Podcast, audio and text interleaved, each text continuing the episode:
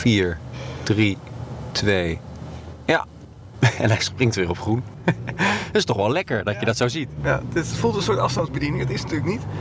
Maar eh, je hebt eh, wel eh, je hebt goede informatie ervan. En het werkt wel verslavend, want ik heb dit rondje vaker gereden. En als je dan hier aankomt en je ziet de informatie op je scherm, bij het volgende verkeerslicht, dan denk je, hé, hey, waar is mijn informatie gebleven?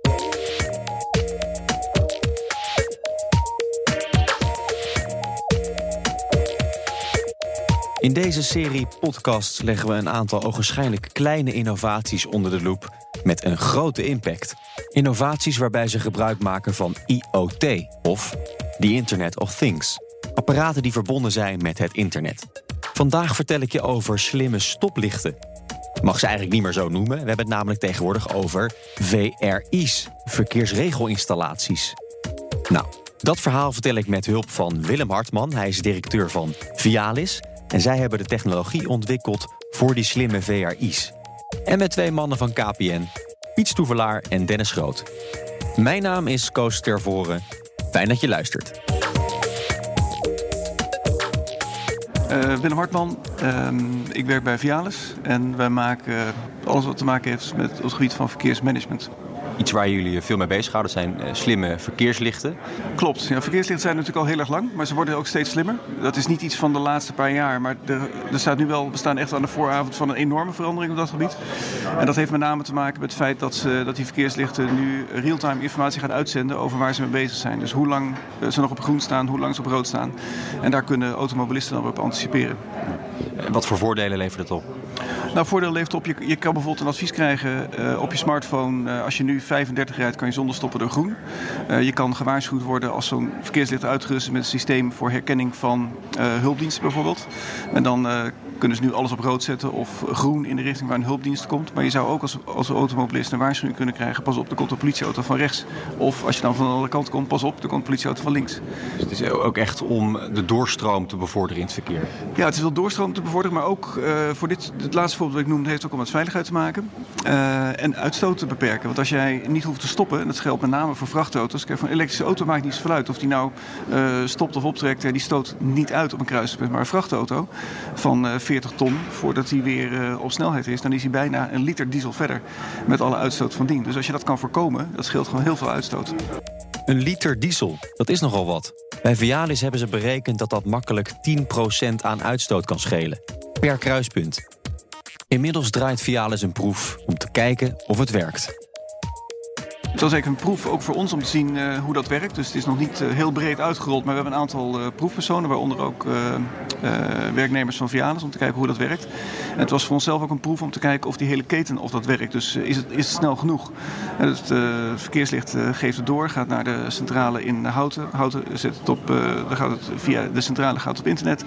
Komt het bij onze bij Infoplaza terecht. Die pakt het erop, wordt weer uitgezonden via 3G. Dan krijg je het op je mobieltje. En dan moet je nog zien dat het licht eigenlijk een fractie van een seconde uh, nadat je het op je app ziet, ook inderdaad uh, op groen of op rood gaat. Nou, hoe snel gaat het dan? Is het, hebben we het dan over milliseconden? Hebben we het toch wel over secondes? Nee, je hebt het over millisecondes. Ja, je ziet echt een fractie van een seconde. Je ziet hem, op, op uh, je ziet hem in werkelijkheid zie je hem op groen gaan. En dan zie je het op, op je telefoon daar een fractie van een seconde later. Ja, dat is echt, Je rijdt dan op een kruispunt af, je kijkt dan naar je telefoon. Ja. Uh, en daar zie je 10, 9, 8, 7, 6 staan. Ja, ja, dat is het. Dus je moet kijken naar je scherm. Dat kan, maar je kan ook. Uh, we zijn bezig met een versie die het ook uh, op zou kunnen lezen. Alleen je wil niet, op het moment dat je verkeerslicht afrijdt in een bepaalde richting, wil je niet dat hij al die richtingen gaat opnoemen. Dat, dat, daar wordt het ook niet beter van. Maar stel, uh, ik, ik, werk hier in Houten, ik neem dat verkeerslicht iedere ochtend, dan ga ik rechtsaf. na, na, twee of drie keer weet hij dat wel, dat ik om acht uur s ochtends rechtsaf ga bij dat verkeerslicht. Dus hij zou kunnen zeggen, hij zou ook voor mij af kunnen tellen als ik dat instel.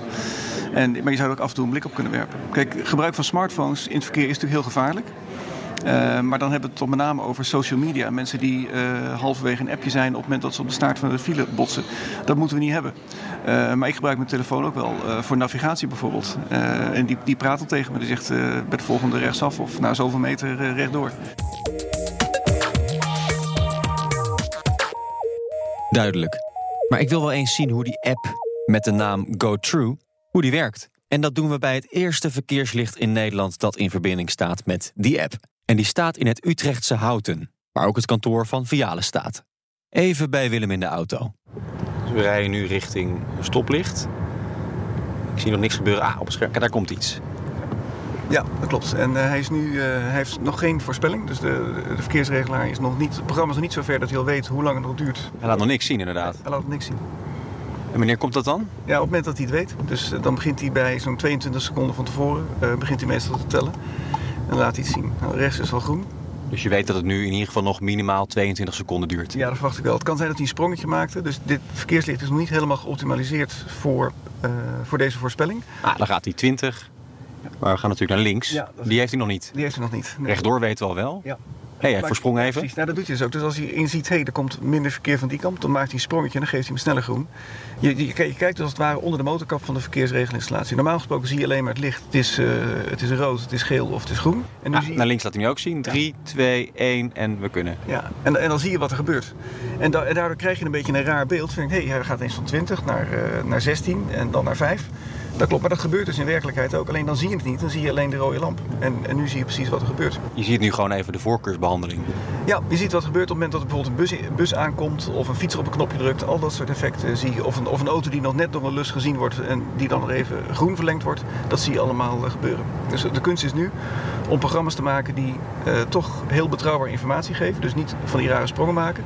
En toch nog heel flexibel reageren op het verkeer. Om daar een soort uh, middenweg in te vinden. Dat is eigenlijk de ontwikkeling waar we op dit moment mee bezig zijn. Doe maar nog een keer. 6, 5, 4, 3, 2.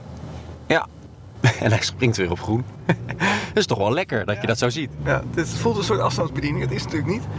Maar eh, je hebt wel je hebt goede informatie ervan. En het werkt wel verslavend, want ik heb dit rondje vaker gereden. En als je dan hier aankomt en je ziet de informatie op je scherm, bij het volgende verkeerslicht, dan denk je, hé, hey, waar is mijn informatie gebleven? Nou ja, die is er nog niet, want dat, dat licht, daar werkt het nog niet. Maar het went heel snel, dat valt me wel op. Ik ben dan zelf best wel lang, dus ik heb soms dat als ik voor het stoplicht sta, dat ik dan niet kan zien ja. of die op groen springt. Dus ik kan ook gewoon hè, dan naar de app kijken, dat is natuurlijk makkelijker. Ja, ja, dat klopt. Dat werkt ook. En daar kan je dan ook blind op vertrouwen? Daar kan je blind op vertrouwen. En dat vertrouwen is erg belangrijk, blijkt ook uit de gesprekken met KPN. Dat zo. Eerst maar eens even vragen aan de gewone Nederlander of die wel zit te wachten op een slim verkeerslicht. En daarvoor ga je natuurlijk naar een tankstation. Dan weet je in ieder geval zeker dat ze een auto hebben en dat ze niet weg kunnen lopen. Wat zou u ervan vinden als er een app bestaat waarmee je kan zien wanneer de stoplichten op groen springen? Oh, dat is wel grappig, ja. Zou je dat wel handig vinden? Ja, dat zou wel handig zijn. Ja. Maar ja, nee, dat is niet, eigenlijk helemaal niet handig. Want je mag in de auto natuurlijk helemaal niet op je telefoon kijken. Ja, maar je kan natuurlijk ook het laten voorlezen. Ja, oh, oh ja, ja oké. En dan zit je in de auto met die app. zit je in de auto en dan kijk je naar je schermpje en dan zie je 10, 9, 8 en dan weet je dus wanneer die op groen springt. Uh, ja, lijkt me best leuk om te hebben. Ja? ja. U zou hem wel kopen? Uh, kopen niet, denk ik. krijgen wel? krijgen wel. Ja, krijgen wel. Ja, dat zou ik wel fijn vinden. Staat u wel eens voor het stoplicht en dan denkt hij van nou, dat duurt me allemaal lang. Ik zou wel eens willen weten wanneer het eindelijk gaat gebeuren. Ja, dat zou ik wel willen. Ja. Voorstander dus? Absoluut. Ja, super. Ja, dat lijkt me goed. Ja? Ja, ja? Ook qua veiligheid prima? Nee, dat niet. Want je gaat toch wel op de telefoon kijken. Dus het moet eigenlijk in het scherm staan van je, van je raam. In je raam zou het eigenlijk moeten staan? Ja, ja, ja. Beetje en als het wordt voorgelezen? Dat zou ook wel makkelijk zijn, ja. Maar dan kun je weer geen radio luisteren. En dan wordt een lekker nummer even onderbroken. Ja, ja, inderdaad. Ja. Dat zou best wel vervelend zijn natuurlijk. Wees 10, 9, 8. ja, precies. Ja. Dus uh, ja, enerzijds wel goed, maar enerzijds dan, uh, ja, hou je gedachten wel bij het verkeer, zou ik zeggen.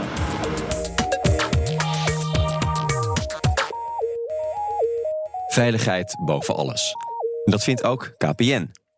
Ook zij zijn volop bezig met talking traffic. En dat gaat verder dan slimme verkeerslichten. Zeker. Dus hier zien we de, de eerste demo van de, hetgeen waar we aan bouwen voor Talking Traffic.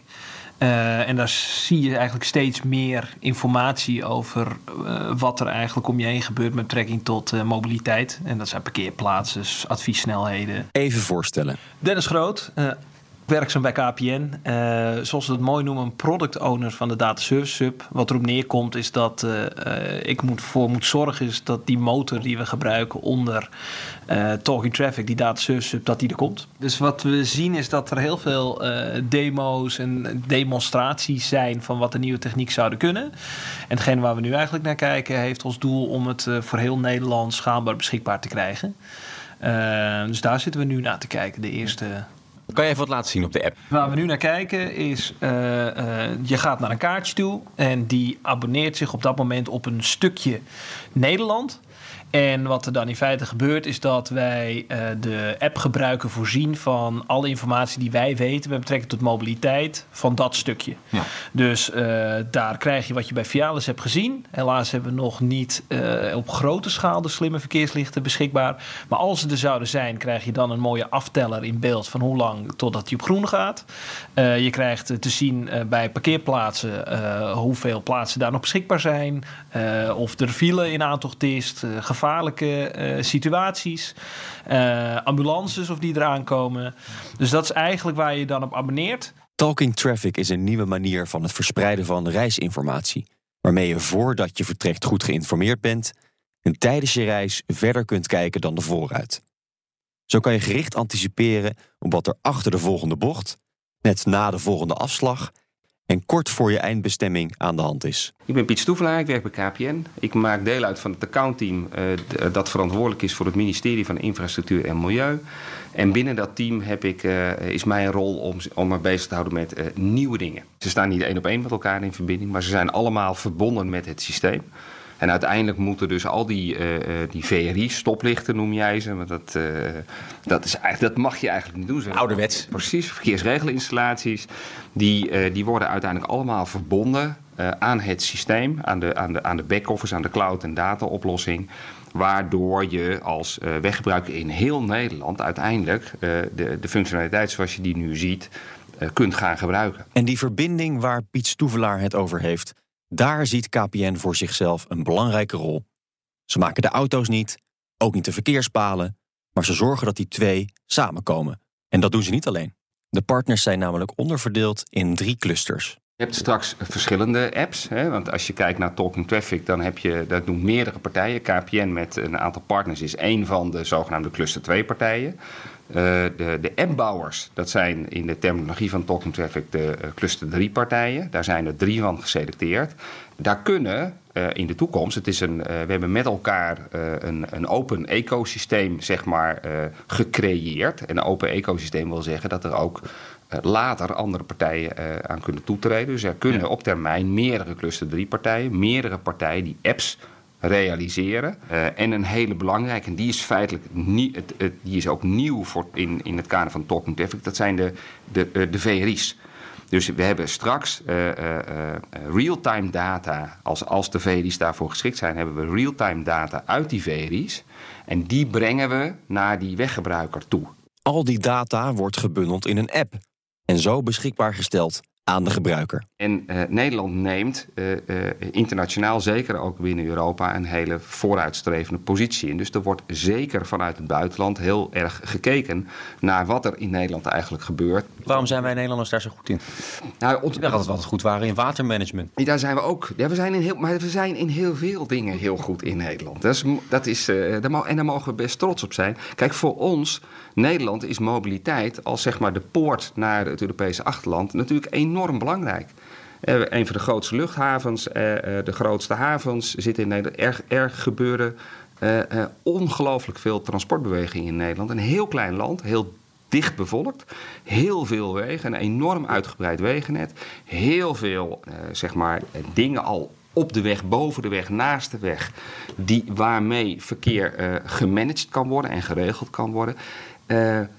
Dat moet, dat moet ook omdat we zo klein zijn, omdat het hier zo druk is. Als we kijken waar we nu staan, er wordt nu flink geëxperimenteerd. Hoe, hoe ziet mijn, mijn rit van A naar B er over vijf jaar uit? Ik heb dan zo'n app. Wat kom ik allemaal tegen qua informatie? Mijn, mijn verwachting is dat je veel meer toegaat naar één, twee apps. Uh, omdat wij als gebruiker mobiliteit willen. Uh, ik wil een auto, maar ik wil misschien ook wel de trein als het sneller is. Of ik wil misschien wel in uh, Rotterdam uh, kun je met zo'n mooie watertaxi gaan die vele malen sneller is. Dus je wil eigenlijk gewoon geadviseerd worden op mobiliteit. En, en wat wij zien gebeuren is dat als we dit vraagstuk willen oplossen, dat die partijen steeds meer met elkaar moeten gaan samenwerken, uh, data en informatie moeten gaan uitwisselen en daar met elkaar gaan samenwerken. En ik verwacht dat we steeds meer naar mobiliteit, zoals we dat hip noemen, mobiliteit as a service, uh, toegaan. En dat jij eigenlijk de best passende uh, reisvorm vindt voor dat moment. Ik moet naar Rotterdam, ik woon in Amsterdam ik voer mijn adres in en dan zegt hij, nou, misschien kan je dit keer beter met de trein gaan. Bijvoorbeeld, ja. Of, of rij met iemand mee. Of uh, pak eerst een stuk fiets. Uh, elektrische fietsen komen er natuurlijk steeds meer aan, waardoor dat ook allemaal een stuk harder kan gaan. Wordt ook weer geband natuurlijk. Uiteraard, ja. Dus dan krijgen we dat soort mooie vraagstukken weer. Daarom zijn we als Nederland natuurlijk ook hartstikke goed als innovatieland. Uh, want eigenlijk alle bezwaren en alle meningen die komen ook wel voorbij. Uh, dus ja, dat is wel de verwachting die ik daar een beetje zie. Dat, dat uh, nou, ik denk dat jij wel een redelijk innovatief iemand bent. Dus dat jij zo'n app zou hebben.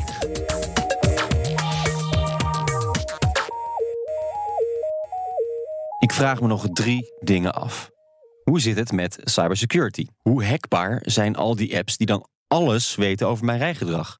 Punt 2. Wie beheert die gegevens? Ik wil natuurlijk niet dat mijn verzekeraar weet hoe vaak ik door rood rijd. Of toch even lekker 140 waar je eigenlijk 120 mag. Punt 3. En het aftellen op die app. Ja, zodat je weet wanneer het groen wordt. Dat heb je toch ook al bij fietslichten? Dan zie je onder het licht, op een schermpje, hoe lang het nog duurt. Dat zou je toch ook voor auto's zo kunnen doen? Eerst maar eens even cybersecurity. Alle verkeersregelaars die we nu ombouwen, die komen dan op internet te hangen. En op het moment dat dat gebeurt, dan zijn ze natuurlijk ook benaderbaar via internet en daarmee kwetsbaar. Dus we moeten dan wel zorgen dat we, uh, ja, dat, dat we zorgen dat mensen er niet bij kunnen, die er niet bij moeten komen. Jullie moeten daarvoor zorgen, dus daar moet nog aan gewerkt worden. Nou, daar zijn we mee aan het werken met alle andere leveranciers en met, uh, en met de opdrachtgevers. Dus daar is heel veel aandacht voor, maar ja, dat moet echt goed op slot zitten. Het komende kabinet heeft aangegeven dat er bepaalde standaarden moeten komen natuurlijk voor uh, veiligheid van die Internet of Things. Ja. voldoen jullie al aan die standaarden? Ja, daar voldoen we wel aan. Het is ook, en ik wil ook een misvatting even uit de weg ruimen. Het is niet zo dat uh, op het moment dat iemand bijvoorbeeld een verkeersregelaar, verkeersregelinstallatie zou hacken, dat, we dan, uh, dat hij dan uh, twee richtingen tegelijk op groen kan zetten. Zorgen dat er auto's botsen en zo. Dat kan niet. maar je zou bijvoorbeeld wel, als je op afstand erin kan, het verkeerslicht op, op rood kunnen zetten. Of op geel knipperen. Of dat soort zaken kan je wel doen. Maar je kan niet ingrijpen en zorgen dat hij verschillende richtingen tegelijk groen geeft. Want dan schakelt hij gewoon uit. Dat is hardwarematig gewoon beveiligd. Daar valt vanaf de buiten niks aan te hacken. Maar een hacker die zou wel bij een vrachtwagen kunnen aangeven... hij springt op drie seconden, over drie seconden springt hij op groen. Uh, waardoor de vrachtwagen misschien wel doorrijdt. Wel in werkelijkheid, hij pas eigenlijk op uh, 20 seconden op groen springt. Ja, dat, soort, dat, dat kan wel. Uh, en dat geldt ook, geldt ook voor alle systemen die ingrijpen op de auto zelf. Dus alle in-car systemen. daar geldt het ook voor. Je krijgt straks ook uh, auto's die automatisch gaan remmen als hun voorganger geremt. Nou, als je dat simuleert en dat, dat signaal uitzendt dat er heel hard geremd wordt, maar dat is niet zo. Ja, dan krijg je natuurlijk ook problemen. Dus veiligheid en cybersecurity is, is, is uiterst belangrijk. Bij ons staat security als een van de belangrijkste uitgangspunten. Uh, en wat we eigenlijk zien is als je dit grootschalig betrouwbaar wil uitrollen, dan, dan gaan daar de kosten in zitten. En, en dat zal ook in heel veel gevallen een, een, een showstopper zijn, omdat je iets hartstikke leuks in een pok hebt bedacht. En dan komt de security eroverheen, dan komt de betrouwbaarheid eroverheen, de beschikbaarheid en dan wordt het erg duur. Uh, vandaar dat we hebben gezegd, nou daar ligt een mooie rol voor een, een netwerk. Uh, leveranciers zoals wij. Want in feite willen we informatie van A naar B brengen.